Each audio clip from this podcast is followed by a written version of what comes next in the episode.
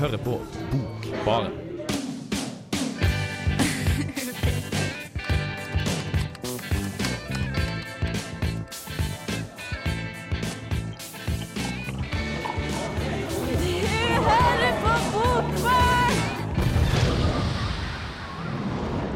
Hei, hei, og velkommen til nok en sending med Bokbaren.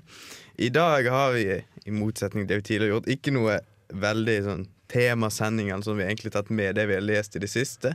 Noe som kan bli veldig interessant, for vi leser ganske varierte ting. Og eh, jeg har med meg mine to eh, Stambokbaren-snakkere. Johannes C. Mystad. Ja, Vetle er til stede i studio.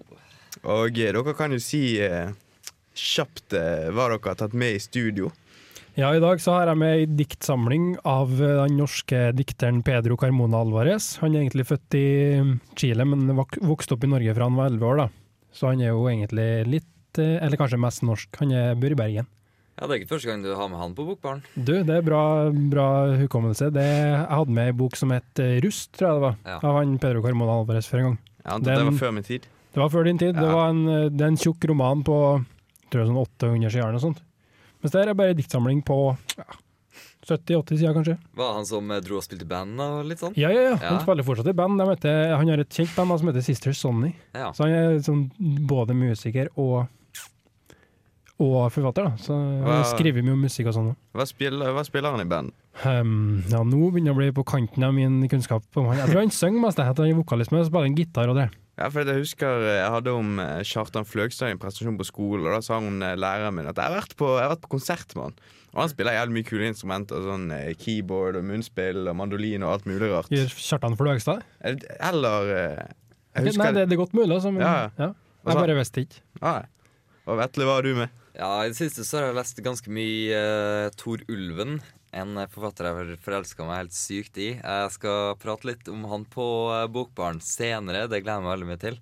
Ja, Vi snakka jo om at vi hadde lyst til å ta eh, Tor Ulven-sending, så jeg har Ja. lånt ei bok, jeg òg, som eh, virker veldig spennende. Så jeg har dessverre bare ikke begynt å lese den. Ja.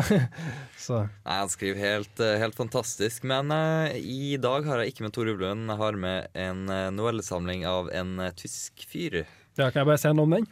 Ja. den vi snakka jo om den her tidligere. vet du. Den ser veldig sånn eh, klassisk eh, krimbok ut. Det er sånn mann i en eh, dress og hatt og en stresskoffert på framsida. Ja. Men, eh, og du likte den veldig bra. ja, jeg gjorde det. Mm. Den, eh, den heter Forbrytelser. Så det første jeg tenkte, var forbrytelse og straff. Ja. Det som var litt artig, var at den minner faktisk veldig mye om forbrytelse og straff også. Eh, bare at den er skrevet i 2009, så den er, en slags moderne Dostojevskij på en måte. Eh, det er ganske kult. Han, eh, han går litt inn i eh, hodet på folk som eh, gjør rare ting. ja, du, Forfatteren der var ikke det litt spesielt med at han hadde noe erfaring fra var ikke noen advokat eller noe sånt? Uh, jo, det, det vi følger Ja, jeg kan jo gå litt mer inn på boka senere, men Ja, Det, det er en god idé. Ja. Um, jeg har da ikke lest så mye moderne. Jeg har lest uh, Hamsun, en av de første romanene mysterier, for andre gang. Og denne gangen kan jeg si at jeg faktisk har forstått den. Noe som er ganske bra. Og eh, jeg likte den boken jævlig godt. Jeg, jeg ble veldig glad i han eh, hovedpersonen, Johan Nilsen Nagel. Men eh, det tar vi etter pausen. Nå skal vi høre Lean On av Major Lazer.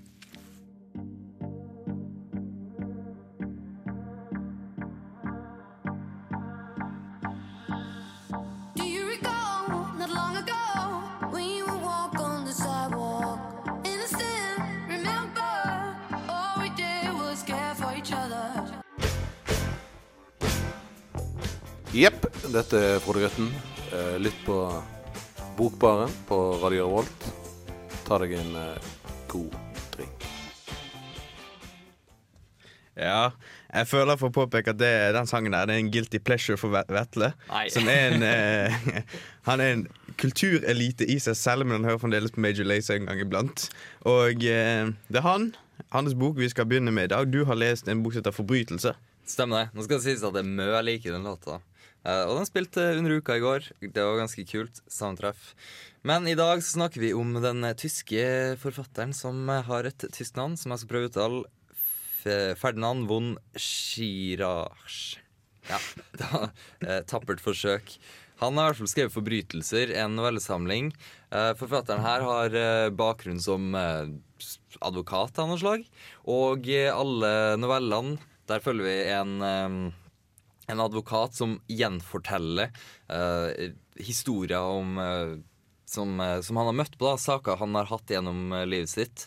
Og de sakene er jo gjerne forbrytelser, folk som har eh, jeg vet ikke helt. Det er ganske mye rart folk har funnet på. Og det å få innblikk i de historiene er, ganske morsomt. Og når du ikke får, eh, får det fra den personen som gjorde det, men du får det gjennom typ advokaten hans, så blir det litt sånn, litt sånn merkelig, Fordi da får du jo ikke så godt innblikk i, i, i tankene deres. Du får bare høre handlingene deres, og så må du prøve å se for deg hvordan denne personen tenker. Mm. Men det det er noveller det er snakk om, ikke det? Ja. Eh, men er det da samme advokaten vi får hele tida, eller er det en ny person som forteller òg? Ja, Advokaten er på en måte ganske anonym, men eh, jeg, jeg ser i hvert fall på det som, som samme, samme person. da. Du kan på en måte kanskje tolke det litt. Og, Ja. mm. Men det er et interessant grep, da, det med, det med at uh, du, det blir på en måte opp til deg å dømme, da. Når du bare har handlingene og, og det som skjer i rettssalen, og ikke den personen sine følelser. Ah, så dette er ikke sånn krim Nei. eller noe som forbrytelse. Dette handler om eh, en, måte en advokat sitt syn på sine dumme De dumme folkene må på en måte må ta med til retten og sånne ting. Ja. Og det er ikke, det er ikke et rettsdrama heller, for jeg har sett ganske mye sånn eh, Det er ikke Judge Judy eller noe sånt. Det handler, mer, det handler ikke så mye om selve rettssakene. Det handler mer om, eh, om eh, omstendighetene rundt forbrytelsene. For eksempel første, første novella som er i denne novellesamlinga, den jeg likte likt best, den eh, heter så mye som Fåner. Uh, den, uh, den eh, tar for seg en, en fyr som gifta seg eh, med ei dame som han forelska seg litt for fort, kanskje. Og eh, hvordan hun bare gjør så sykt masse psykisk terror mot han gjennom hele livet hans. Men han bare holder ut fordi at det løftet han ga da han gifta seg med henne, er så hellig for han at han kan ikke gå fra uansett om eh, hele livet hans har blitt opplevd som om, i fangenskap, nærmest. Og eh, det ender med at han bare uh, slår henne i hjel med en øks. Helt forståelig. Ja, og, og det, det virker jo rart. Alle er jo sånn Hvorfor skilte du deg ikke bare? sant? Men, eh, men dem, du får jo ikke direkte tankene hans, men du får litt sånn små hint av hvorfor han gjorde det, ikke sant? og du forstår han på en måte veldig godt. Der ser den her på framsida, så har den noen sånne gode terningkast osv. Men eh, hva syns du om boka, da? Jeg likte den egentlig veldig godt. Den eh, ble litt eh, ensidig etter hvert, fordi at eh, alle no novellene baserte seg litt på samme eh, Samme mal. ja, samme mal. Og, eh, men, og det å plukke opp én novelle av gangen og lese den, det fant jeg utrolig masse glede i. Det er jo det som er så utrolig kult med å lese novellesamlinga, at du kan, du kan få en god opplevelse med å bla opp i boka og lese én novelle, i motsetning til en roman som du må gjennom kapitlet eller eh, ja, lese en stor del av boka da, for å få, Ja. få noe inntrykk Ja, av. det, det er veldig greit å ha som en sånn, i hvert fall for min del, når jeg sitter og leser pensum, og så har jeg lyst til å lese noe skjønnlitterært, eksempel, så er jeg sånn Jeg kan plukke opp novellesamlinga her, lese én novelle, få en liten pause fra tung teori og sånn. Kan jeg gå tilbake til, eh, til det. Hva med sånne ting som språk og sånn i boka? Syns du det var fint, eller? Ja, språket er veldig nøkternt, da. Det er veldig sånn saklig. Ja. Og det er ikke så mye skildringer, og det er ikke så, så pent og vakkert. Det er ganske økonomisk. Sånn, det her skjedde. Og eh, ikke så mye unødvendige omstendigheter. Det er rett og slett sånn en advokat ville fortalt historien sin. Ja. Ja, det var Altså, det jeg tenkte. tenkt at det er liksom sånn Ja, ja. advokatspråk. Rettssal, ja. rettssalestetikk, si. Men den er egentlig ganske kul. da. Jeg fikk den anbefalt eh, da jeg var kjøpte et par andre bøker på ark av han eh, fyren som alltid er der. Og eh, han sa at det er noe av det beste han har lest, så jeg tenkte eh, Det ser litt ut som krim, jeg er litt eh, usikker, men eh, jeg angrer ikke på at jeg kjøpte den. Den vokser var ikke så veldig dyr. Så hvis dere har lyst til å lese en litt kul novellesamling som ikke stjeler opp for masse tid fra deres precious studie, travle studiehverdag, så kan dere jo alltids vurdere å plukke opp forbrytelser. Jeg var ikke skuffa, i hvert fall. Vetle var ikke skuffet, i alle fall. Det er en veldig god rekommandasjon av en bok, men nå skal vi høre WeBet av Motorcycle.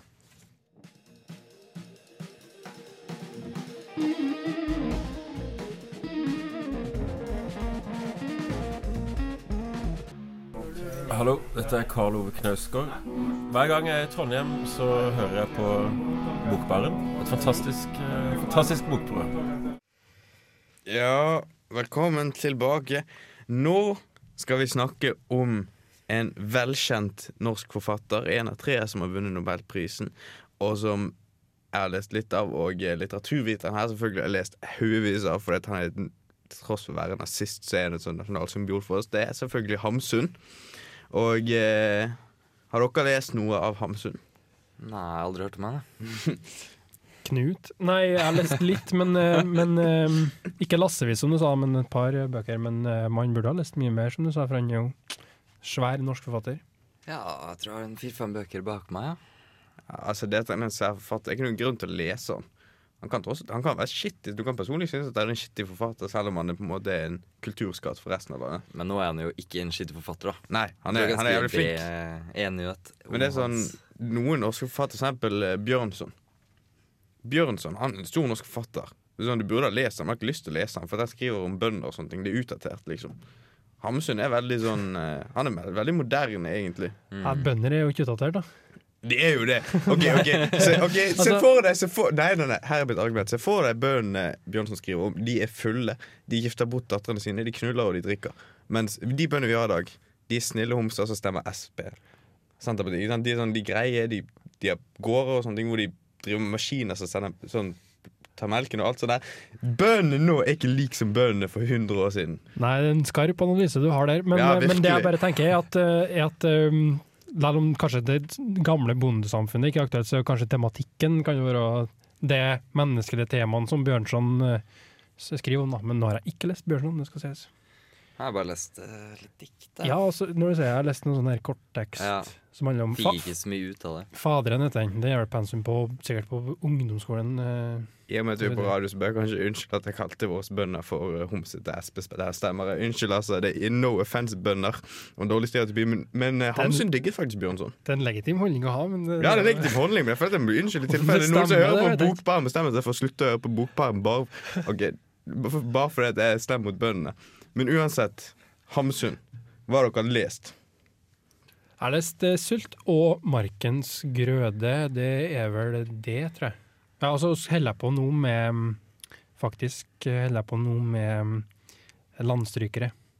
Ah, Mm. Ja, jeg har nå bladd litt i, men Livet lever, Sult selvfølgelig, uh, Pan, Victoria, Markens Grøde. Ja. Har dere Ja. noen favoritter blant dem dere har lest? Eh, jeg var ikke spesielt begeistra for Victoria. Syns ikke han er så flink på kjærlighet. ass. jeg syns han er så jævlig flink til å ha kleine samtaler Ja. i bøker. oh.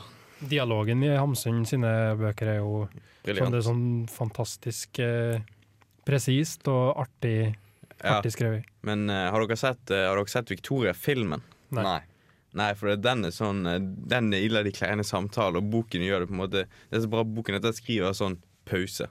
Lang stillhet. Bare sånn for å påpeke at her går det i dass med samtaler, så nå må jeg faktisk bare skrive at det går i dass på en annen måte. Mm. Så, Det er jo gjennomgående i nesten alle bøkene at han skriver sånn type dialog. Ja, det, det er også veldig sånn um, god observasjonsevne som Hamsun har. At, øh, som du ser, at han med ett ord skal han vise hele, hvordan hele situasjonen føles for dem som, dem som opplever det, dem som boka omhandler. Ja, ja. Det er sånne ting jeg har merke til. jeg leser, det er at vanligvis, Jeg leser på en måte en helt avsnitt, og så er det én setning på slutten. Så bare sånn endrer alt. Da, blir det, da går det på en måte sånn helt vanlig til bare sånn Dette er genialt. Dette er morsomt, eller dette er seriøst, eller hva faen. Så har du jo det som bestandig gjentakes med Hamsun, at det er så fint språk. da. Men det er jo verdt å nevne, syns jeg. For at, øh, vi snakka litt om det i stad, at han skriver på en veldig gammeldags øh, måte, nærmest dansk. Men det er jo, det er jo underholdning nesten i seg sjøl, når du leser Hamsun og bare leser sakte og koser seg med det fine språket og de fine setningene her. Ja, spesielt de tidligere bøkene som 'Sult og mysterium' som egentlig ikke har noe plott til seg. 'Markens Grødefoss de handler jo nesten ikke om sånn De har ikke sånn spennende plott, men det er så, disse fine beskrivelsene. Han måtte se på en måte disse historiene sine på at det blir, blir en fornøyelse å lese. Ja, Bare for språkets skyld, nesten. ja. Du har jo det med naturskildringene hans òg. Men du hadde lest eh, Var det mysterier? Ja, jeg har lest 'Mysterier'. Jeg har lest jeg har halvveis ut i 'Landstrykere'. Jeg har ikke lest Sult, men jeg, jeg, hadde en, jeg lagde en musikal sammen med noen folk på tredje år på videregående av Sult. Du lagde en musikal? Jeg lagde en musikal. Jeg Av, lagde, av sult? av Sult. Uten å lese. Jeg lagde en rapp, faktisk. Det var en ganske god rapp. Norsklæreren min avskydde at jeg rappet, men hun skrev fremdeles ned en setning fra den, eh, fra den rappen som hun syntes var bra. Jeg tror det var eh, 'Byen er en røver'. Ja. Jeg skjønte ikke hvorfor hun skrev det ned, for jeg syntes det var så jævlig mye annet bra i den rappen. Ja. Sånn. Kan vi få, får vi en smakebit hvis vi lager et bit? Får vi, et, får vi en smakebit hvis vi bare Nei, men Den var faktisk laget til eh, Gangsters Paradise. Har dere hørt den? Ja, ja, ja. Er dere selvfølgelig, kan, dere, eh, kan dere lage den biten? Jeg jeg kan gjøre det. Nei, kanskje tekniker kan flekke den opp? Ja, finner du musikalversjonen av eh, ja, Jeg husker sikkert Vi kan ikke kanskje ta det i et annet stikk? Ja, det du- kan vi faktisk ta i øret. For at nå Men vi, vi skal snakke mer om Mer spesielt om boken Alice Mysterier. Eh, rett etter en sang. Dette er 'Lights of Love' av Kelvin. Do you know I'm fighting all the cold wars? Ja, det her er Tore Renberg, og eh, du må jo selvfølgelig høre på Bokbaren. Ja, du må selvfølgelig høre på Bokbaren. Og eh, dette her er da min My Time to Shine på flere forskjellige måter. Først har jeg tenkt å snakke litt om mysterier. Og deretter så skal jeg gi dere min anerkjente Hamsun-rapp, som for øvrig ga oss en sekser på det prosjektet. Um, men eh, har noen av dere lest Mysterier? Jeg har ikke lest Mysterier, nei. Jeg leste den, men det tror jeg faktisk første Nei, det var Sult. Andre Hamsun-bok jeg leste, ja. Jeg må si at uh, eh, for, uh, for å innføre deg, Johannes, og for alle andre lyttere, så handler den egentlig om Johannes Nilsen Nagel, som en dag stiger i, en liten, eh, stiger i land i en liten by, og så fucker han med alle på alle mulige måter, og så dreper han seg selv. Ok, Og eh, han forelsker seg i en dame. Han tar inn en sånn eh, fattig fyr tar han inn i varmen og utnytter han og sånne ting. Ikke, ikke seksuelt, men sånn eh, for å få innblikk i byen. Og du skjønner egentlig aldri helt hva han driver på med. Du skjønner ikke hva han vil der. Du skjønner, altså Det, det, det som gjør boken bra, det er at han, han lyver veldig mye. Og han forteller masse historier, masse sånn helt absurde, bisarre historier til folk. Og du skjønner ikke helt, altså jeg skjønner aldri helt hvorfor han har lyst til å gjøre det. Altså, Hva er målet hans? eh, Hva er det han vil der? Har han noen grunn til å være der? Og eh, hens navnet er Mysterier, for hele dritten er egentlig bare et stort mysterie. Det som gjør den litt, litt kul, da Han er litt um, du, du klarer liksom ikke helt å få, uh, få tak på, uh, på hva greia hans er. Han, han blir litt mystisk, på en måte. Ja, og eh, Men jeg skjønner han. Du skjønner, jeg skjønner fremdeles veldig godt sånn Fordi at eh, han forklarer seg egentlig noen steder i boken. Det er sånn Noen steder du skjønner at han på en måte er ærlig, og de gangene så Det er da du får innblikk i hva, hva han egentlig tenker, og hva han egentlig mener. Men, men føler du at du gjør det? For det, det er en ting jeg har hørt om uh, mysterier. Da, at, eh, eller har lest om det, ja. At du kan aldri helt vite om han er ærlig. Eller, for han snur jo, han er- later som han er ærlig, og så snur han ofte om på det, gjør han ikke? Ja, jeg tror eh, Jeg tror han er veldig sånn Jeg tror han egentlig ikke skjønner helt selv hva han gjør. Jeg tror han tar det litt på Jeg tror han er veldig impulsiv, Mm. sånn i det han gjør. Men for eksempel eh, i forholdet til en som heter Minutten, eh, et veldig sånn Det er et av de store forholdene i boken, så er det en scene hvor han har sånn cyanidgreie i vestlommen sin, sånn at han skal kunne selvmord når som helst. Og det er en sånn Minutten Han viser han fram på en fest. Og så kommer Minutten bort til han, og så, eh, og sier han Du, kan jeg få lov til å søle han på vesten hans? Og så sier han kan jeg få lov til å ta vesten hans. Han, Johan Angelmann sa nei, ikke ta vesten min. Og så sier han plutselig jo, ta vesten min. Mm. Og da skjønner du på en måte, det er ikke forstått, men, men så seinere så tester han på en måte Det, det er maskert som at han skal ta et selvmord. men Han prøver på en måte Jeg skjønner på en måte at han har Han vil sjekke om han minutten har byttet ut den cyanidflasken med vann. For å se om minutten er så grei mot han. Og det gjør han. ikke sant? Han driver mye med sånn der manipulering, rett og slett. Han har lyst til å teste folk. Han har bare lyst til å se hva som skjer hvis han Hvis han på en måte er litt utfordrende. Se hvem som knekker under, se hvem som bugger under, se hvem som på en måte eh, holder ute. Og da velger han ut minuttene og dagene til de folkene som holder det ute, de folkene han har lyst til å være sammen med. Utforskning av psykologi, det der, da. Ja, ja. Og eh, det er en veldig psykologisk roman. Mm. Uten uten, på en veldig spesiell måte, for du det er ikke en jeg-person. Du får ikke så mye innblikk i hva du tenker. Du får nesten ikke noe innblikk i hva du tenker. Mm. Men det fremdeles ja. Det ble kanskje nevnt der, men det var, var ikke den andre boka Eller de, boka etter Sult, var det? Nei, jeg snakker bare for meg selv, jeg. Å, ja, Hvilken sånn, ja. rekkefølge jeg leser Jeg lurer på om den kom rett etter der, altså. Og han var jo veldig opptatt av den typen ting som Den typen eh, emner som du nevnte her, da. Psykologi og hva som rører seg inni hodet på folk, og hvorfor man gjør det man gjør, og hvor mye rare ting som kan skje, Ja. og sånne ting. Hvis du bare, hvis du bare gjør litt ikke sant? Og Jeg er veldig frimodig med penger. Og det forstår jo ikke disse landsbyfolkene i det hele tatt. Altså når han, eh, når han gikk Han gir 200 kroner for en stol som hun der damen bare vil ha én eller to kroner for.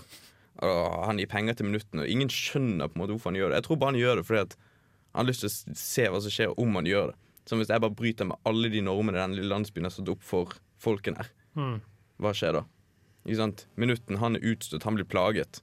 Men hva skjer med å ta han inn i varmen? Hva skjer med å på en måte akseptere han som en venn? Hva skjer med å stå opp til disse folkene og si nei, ikke kødd med minutten, han er en kul type, bare fuck off. Og da blir det på en måte Og det er veldig interessant. Altså, det er ikke noe plott, om det, det er bare interessant å se hva, hvordan disse forskjellige folkene reagerer i den byen, og hvordan, hva han gjør videre, på en måte. Mm. Jeg leste lest et essay om Hamsun i gang som eh, handler om av Karl Ove Knausgård, faktisk, som handler om eh, at alle Hamsun sin- sine romanpersoner har, så godt som alle har det trekket, da, at de, de kødder med å og kødde med omgivelsene sine og gjør dem veldig usikre på hvilken type personer de er, og bare utforske det sosiale da, og gjør rare ting, sånn at, eh, sånn at de blir oppfatta som en rar fyr. Og at det Ja. òg har, noe- har noe fellestrekk med forfatteren Samf eh, Hamsun, ja, uten at vi kanskje skal gå så langt i den retningen, men at han han òg er også veldig sånn outsider, da, at han, han eh, Ja, men det handler jo veldig mye av dette, spesielt landstryker, er veldig åpne i det med at den handler om på en måte den kampen mellom det å være landstryker, aldri slå seg til ro, aldri på en måte ta til fatte med noe, og det å faktisk slå seg ned og være, ha langvarig forhold til et sted eller til en person. ikke sant? Mm. I den boken har du jo August som driver og vandrer rundt omkring i en sånn løgner og bedragerisk og sjarmerende baken. Så har du Hva er den andre personen heter? Edvard? Ja, Edvard. Det før, før, med en gang han møter en dame han synes er søt, så er han sånn OK, jeg skal slå meg ned der, jeg skal få meg familie, vi skal drive en gård sammen. Ikke sant? I Markens grøde så er det vel Det er den fyren som Isak Sellandro. ja, han lager ny jord, og så er det han eh, landeieren som går rundt omkring. ikke sant? Mm. Og Ja, og eh, sist, men minst, så mysterier så er det på en måte mer befestet i én person. Mm. Som gjør at Johan Nilsen Agel har problemer med sin egen tanke om dette. Så det meste dreier seg om han. Som, Ja, det meste dreier seg om han. mm. Men nå må vi gå videre. Men etter dette stikket så lover jeg at dere skal få lov til å høre rappen min. Eh, vi skal nå høre 'Turn Your Love' av Half Moon Run.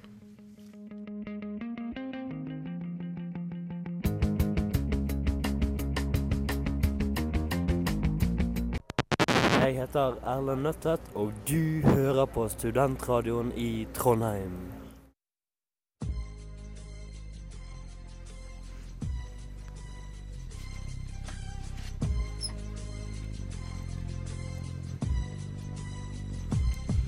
Mens jeg går gjennom byen, jeg er sliten og krass. Jeg tar en titt på mitt liv og ser at dritten går i dass. Men jeg er modig, jeg er fodig, tålmodig. Jeg er en mann av prinsipp, ikke pes, ikke drypp. Så jeg holder meg fast i den tøffeste storm. Jeg sier fuck alle prøver, denne byen er en røver. Men aldri er det stopp, jeg skal nå min topp. Det er ikke nok, bare ork. Kroppen er kork, nei fuck.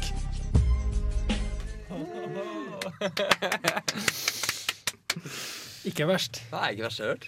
Nei, det er ikke det verste. Jeg synes det Jeg var veldig stolt av den jeg fant ut av det. da Fordi at eh, På den gruppen så hadde vi en som spilte saksofon, en som spilte pianogitar, en som kunne eh, spille sånn tuba. Jeg hadde ingen musikalsk talent whatsoever. Jeg bare sånn Men jeg er bergenser, så jeg kan rappe, folkens. Det viste seg jo du hadde et musikalsk talent, da. Det var Visst- jo i hvert fall. visst Men faen. eh, du må fortelle om prosjektet. Hva sa du? Det var en musikal? Ja, det var eh, OK, for det at eh, norske skoleplan så skal vi være kreative. ikke sant? det, er Ja, sånn, ja, det er påbygd. Så da hadde vi noe som het eh, eh, litterært prosjekt hvor vi skulle ta en roman. Um, det var, jeg tror vi hadde valget mellom 'Sult', 'Et dukkehjem' og så en eller annen. Og så skulle vi måtte gjøre noe om til vår egen, da. Gjennom et eller annet form for medium, altså musikk, video. Uh, jeg tror en av de andre kule jeg så, det var eh, en blanding mellom 'Back to the Future' og 'Et dukkehjem' av Henrik Ibsen. Det var, det var ganske underholdende. Det handlet om Det var noe sånn at uh, Nora egentlig var han der eh, Hva er den uh, mannen heter? Mm, Helmer? Ja, At hun egentlig var hans datter fordi han hadde gått tilbake i tiden. eller noe sånt. Nei, helt kanskje, jeg vet ikke om det er Helmer. Kanskje helt space historie. Men det var jævlig gøy å se på. Ja. Mens vi, vi valgte bare å lage en musikal, for vi hadde, vi hadde en jente på gruppen som var veldig veldig Hun skulle inn på medisinstudiet. Så sånn, Vi må få sex på den her uh, oppførselen for sekser i norsk. Og da var det ikke plass for noe kødd. Da kunne vi ikke gjøre noe morsomt. liksom Da er det sånn, ok, Nå skal vi lage noen ordentlige sanger. Ja. Så da Så du var med og fiksa sekseren til henne? Ja, ja. Jeg velger å tro at min, mitt bidrag var det beste bidraget til den. Og, eh, men vi hadde lever på dine skuldre i dag. ja, altså, Står på dine skuldre. Ja, det er jævlig kult. å- Først, først jeg tenkte var at shit, kult å, å ta liksom uh, litteratur eh, og kombinere det med musikk, men uh, all, all rap er jo uh, eh, Eller rap står jo faktisk for rhythm Nei, nei, hva er det så bra? Um, Rhythm and poetry. ja, nettopp. Faktisk. Ja, rhythm and poetry. Så uh, det å bruke, bruke dikt, lyrikk og sånn i uh, musikk er jo ikke uhørt. Nei, det var alle ikke Det var like ikke Det har vært- prøvd før. ja. Det er jo mange, det er mange som også vil at eksempel Bob Dylan skal vinne litteraturpris Eller Nobels litteraturpris fordi tekstene hans er så jævlig gode. Ja. Sånn enestående dikt, på en måte. Ja. Så har du den problematikken om hva forskjellen på et dikt og en sangtekst er. da. Jeg, hørte- jeg prata med en fyr en gang, som eh, en forfatter som heter Mathias Samuelsen, som bor i Trondheim, som sa det at han mente at Grunnen til at han mente at Bob Dylan ikke burde få Nobelprisen, for det var fordi at det er forskjell på en, å skrive en sangtekst og skrive en dikt i en sangtekst. Kan du, kan du synge eh, 'Baby, baby, baby, I love you' fem ganger i et refreng, og gjenta refrenget fem ganger? Det kan jo ikke i et dikt. Så på en måte to forskjellige Et dikt har helt andre standarder, helt andre krav til Og, og fra Baby, baby, baby og fem ganger så skal vi gå til et litt mer alvorlig eh, og mer seriøst dikt. Det er nemlig ukas dikt. Ja, jeg vet ikke om det er så mye mer alvorlig, egentlig, men eh, det er i hvert fall et ordentlig dikt, for det er jo gitt ut på Kolon forlag.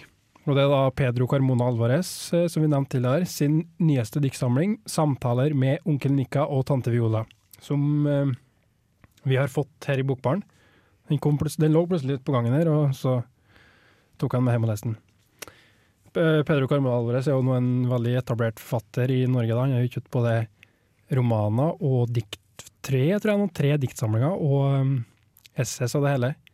Eh, har dere lest noe av eh, Pedro før, eller? Nei, aldri hatt gleden. Er vi på fornavnsbasis? Jeg har aldri lest noe av Pedro tidligere. Vi er på fornavn. Men jeg syns han, jeg synes han ser interessant ut. Jeg syns det er så fin bok. Ja, og det som er litt artig, er at på, på, på omslaget så er det jo bilde av han. Det er bilde av en liten gutt som eh, står framme med en sånn gammeldags mikrofon. Og ser ut som han prater inni den, og det er faktisk bilde av Pedro.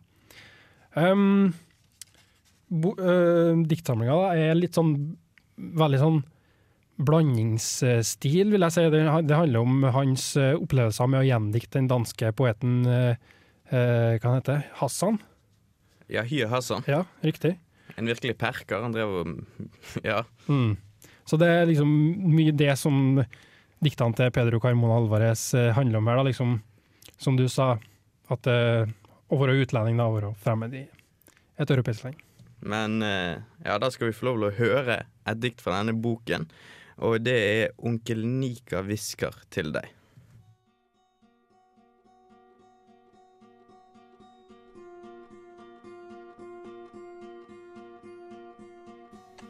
Onkel Nikka hvisker til meg. Fra skyggen av sin egen skygge, i det dunkle lyset fra barneskolen, står han bak et tre når Fredrik og jeg går og preiker. Om plater i skauen, hiver mynter på meg når jeg ikke ser, og jeg snur meg, like forbanna hver gang, for det svir som faen. Når de svære sølvmyntene treffer meg i knollen. Jeg skjønner ikke hva han vil, og jeg kan heller ikke spørre, før lenge etterpå, når det har gått et par tiår minst. Jeg står ved bredden av en elv, og han åpenbarer seg. Som en karpe, en undervannshemmelighet, en diger, matt skapning som lever i hundre år. Hva hører du der du står, sier han.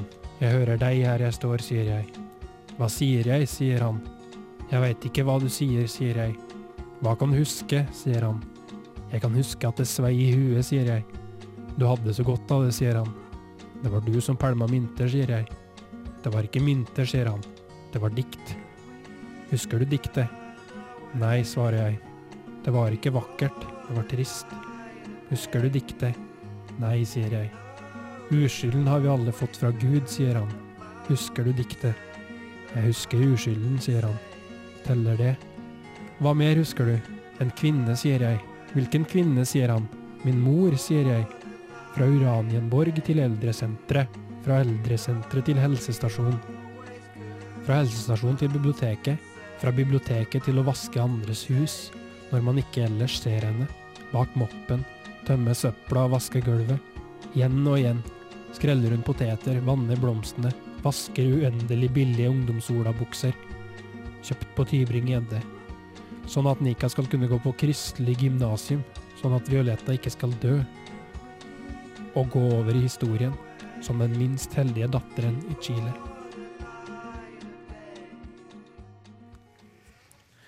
Ja, det var eh, et dikt av eh, Pedro Alvarez. Um, og eh, har du noe mer du ønsker å si om denne boken? Ja, det som er viktig å på, eller det som kan påpekes, da, er at uh, Nikka, da, onkel Nikka og tante Viola, som tittelen uh, nevner, det, det gjenspeiler på um, en uh, chilensk dikter som heter Nicanor Parra. Som han Pedro Carmona Alvarez uh, er ganske opptatt av. da. Og i det diktet vi nettopp hørte nå, 'Onkel Nikka hvisker til meg', da er det jo onkel Nikka, altså den her gamle dikteren han prater um, har en slags samtale med. da. Og han dikteren lever faktisk ennå. Jeg tror han, er sånn 100 år. Bokstavelig talt. Og jeg, han leser, er- jeg leste bak på boken han skriver. Det står jo bak der at det faktisk er en, det er en hel familie. Men det virker ikke som en normal familie, på en måte. Ja, det er jo som veldig Som noen av andre diktsamlingene til Pedro Carmona Alvarez, så, så linjer han jo opp på en måte en, eh, en liten verden, da. En liten, et lite handlingsrom. Og her er det en familie, da. Og om det er familien, hvem sin familie, det er jo kanskje opp til leseren å bedømme, da, om det handler om eh, Nicanor Parra, og at kanskje Pedro ser på ser på det som et slags litterært slekt, slektskap, eller om det bare er en eh, tenkt familie, eller noe sånt. Ja, men eh, eh, du har da Du har valgt ut Var det, var det bevisst utvalgt dette diktet?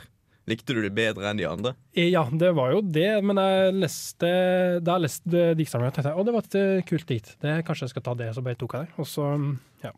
Så har vi jo et dikt til, som vi skal høre Ja. litt senere, som jeg også tenkte det samme om. Det var litt, ikke noe mye mer komplisert enn at jeg tenkte ja, det var kult. Ah, du bare tenkte sånn Når du leser disse diktene, prøver du å tolke dem? Det var det jeg tenkte å si noe om nå, at uh, jeg må si at jeg kan ikke påstå at jeg forstår diktene her, at det er sånn at å ja, det her diktet her sa meg at sånn og sånn. Sånn er det ikke for meg, i hvert fall. Men de, jeg syns det er veldig kule dikt som man kan høre på det vi hørte i det vi skal høre etterpå. Han bruker veldig mye fine bilder, interessante bilder. Veldig mye sånn derre Og det syns jeg i hvert fall virker som en gjenganger i Pedro Carmona sitt forfatterskap. Det er som døden og øh, spøkelser og litt sånn der gjenferd og sånne skumle ting, som er ganske effektfullt og kult. Litt spooky, rett og slett. litt, litt spooky stil, ja. Og så er det jo liksom, jeg liker stilen hans, da. Men om jeg greier å tolke det og forstå det, nei, jeg vet ikke helt det. Men eh, da skal vi gi dere lytterne bokbaren en sjanse til å tolke dette selv. Nå skal vi høre 'Jeg vokste opp i Mexico'. Jeg vokste opp som meksikaner. I en liten landsby full av støv og døde, i en gate oppkalt etter et spansk svin som kom med lanser og hester og rævpulte hele purka. Sånn snakket vi i Mexico da jeg ble eldre. Jeg var ikke knivskarp, men skarp nok, en liten mørk tass.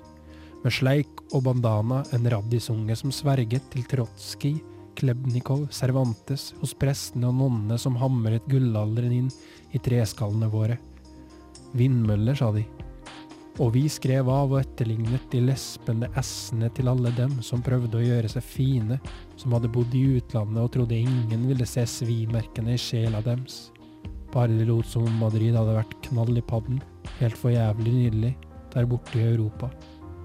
Ikke en sjel som kalte meg svarting, sotrør, rotte.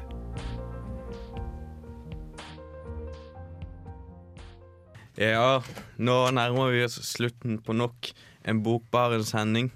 Men eh, før vi når helt dit, så eh, har du, Johannes og Vetle, noe dere har lyst til å blæste litt. Yes, det skjer jo en del kule ting på litteraturfronten i Trondheim for tida. Det er jo det er noe som heter Trondheim litteraturfest, tror jeg det, som har en del eh, artige ting. I dag så er det mm, litterær middag med Mykle. Det er dessverre godt i gang nå, så det er kanskje litt sent å stikke på for dem som eh, liker det. Men det skjer flere ting i, utover vekka her, med sånne der, eh, møter på folkebibliotek og diverse. Jeg husker ikke helt, men ja.